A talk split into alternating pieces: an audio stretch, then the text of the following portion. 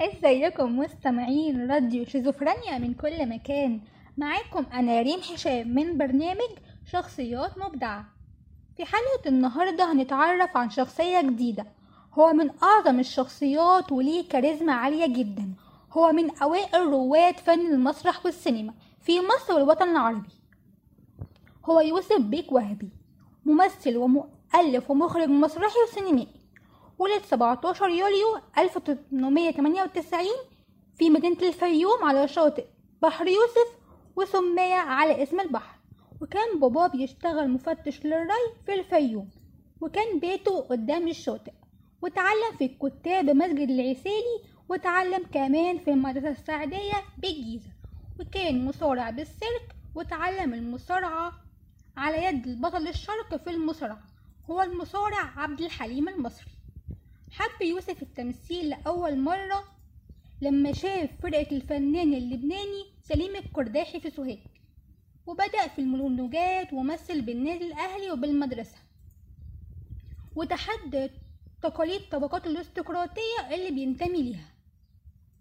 وبالرغم من أن باباه وأسرته رفضت ولكن هو مثل في فرق مسرحية كتير من المهن البسيطة ليعرف يصرف على نفسه وتعليمه.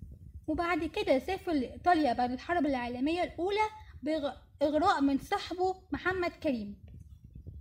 وتعلم كمان على يد الممثل الإيطالي كاينوتي وبعدها رجع لمصر سنة 1921 بعد وفاة باباه باباه كان ترك لي ثورة بحوالي عشر آلاف جنيه. واشتغل مع فرقة عزيز عيد وحسن فايق. ودي كانت بداية حياته الفنية ولكن كانت هواية مش احتراف. وحصل بعد كده للفرقة مشكلات كتير جدا عشان الفلوس.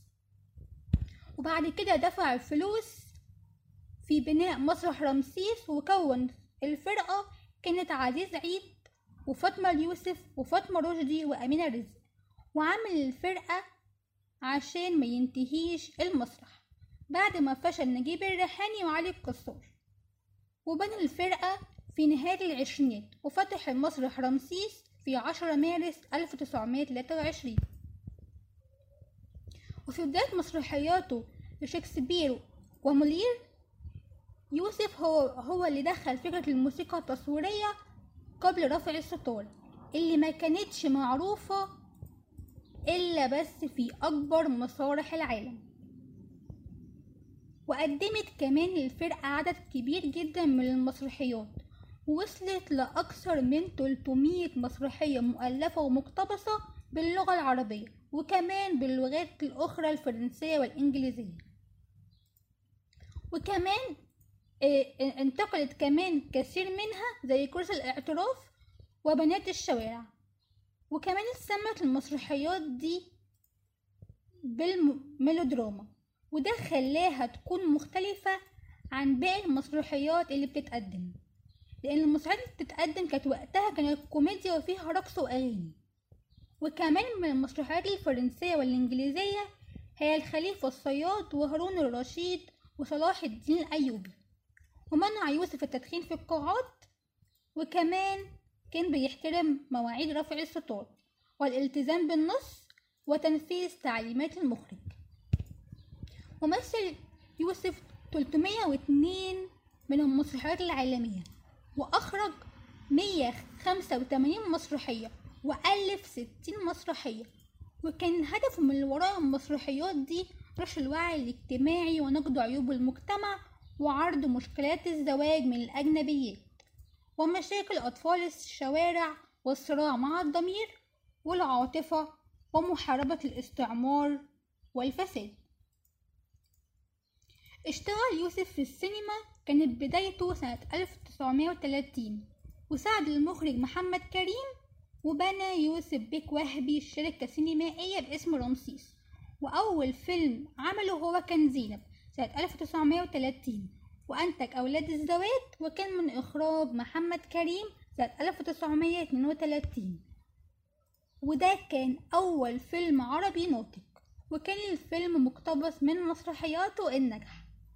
ومثل بطولة الفيلم وكتابة النص. وفيلم كمان الدفاع سنة 1935 وده كان من إخراجه وفيلم المجد كان من تمثيله وإخراجه وكتابته. وكان يوسف بيك وهبي كمان قدم الثنائي ناجح جدا مع المطربة ليلى مراد وشارك معاها ثلاث أفلام وكانت ورا بعض. وهو فيلم الليلة الممطرة سنة 1939 وليلى بنت الريف وليلى بنت المدارس في السنة في السنة في سنة 1941 مثل الفيلمين دول في نفس السنة. وقدم كمان يوسف بك وهبي فيلم غرام وانتقام سنة 1944 وكان من إخراجه وتأليفه. وكان من أعظم وأهم أفلام يوسف ممثله مع أسمهان وأنور وجدي وقدم كمان دور الشيطان سنة 1945 في فيلم سفير جهنم وكان من أشهر أفلامه واشتهر جدا. وكان له كمان أكثر من فيلم قام بإخراجه وتمثيله يوسف بيك وهبي أخد جوائز كتير جدا. أعطاه الملك فاروق رتبة البكوية وأخد وسام الاستحقاق سنة 1960 وجائزة الدولة التقديرية سنة 1970 وانتخب نقيب الممثلين سنة 1953 وكمان كان مستشار للمسرح بوزارة الإرشاد. وأخذ الدكتوراه الفخرية سنة 1975 من رئيس الأنور السادات. وأعطاه كمان بابا الفاتيكان وسام عفوا وسام الدفاع على الحقوق الكلاسيكية هو كان أول مسلم ياخد الجايزة دي. وكمان اشتهر بعميد المسرح العربي. توفى يوسف بيك وهبي 17 أكتوبر 1982 بعد دخول المستشفى المقاولين العرب بسبب إصابته بكسر في الحوض ومات بسبب سكتة قلبية مفاجئة في العملية. ولتخليد لذكرى وفاته عملوا جمعية باسمه وهي جمعية أصدقاء يوسف بيك وهبي.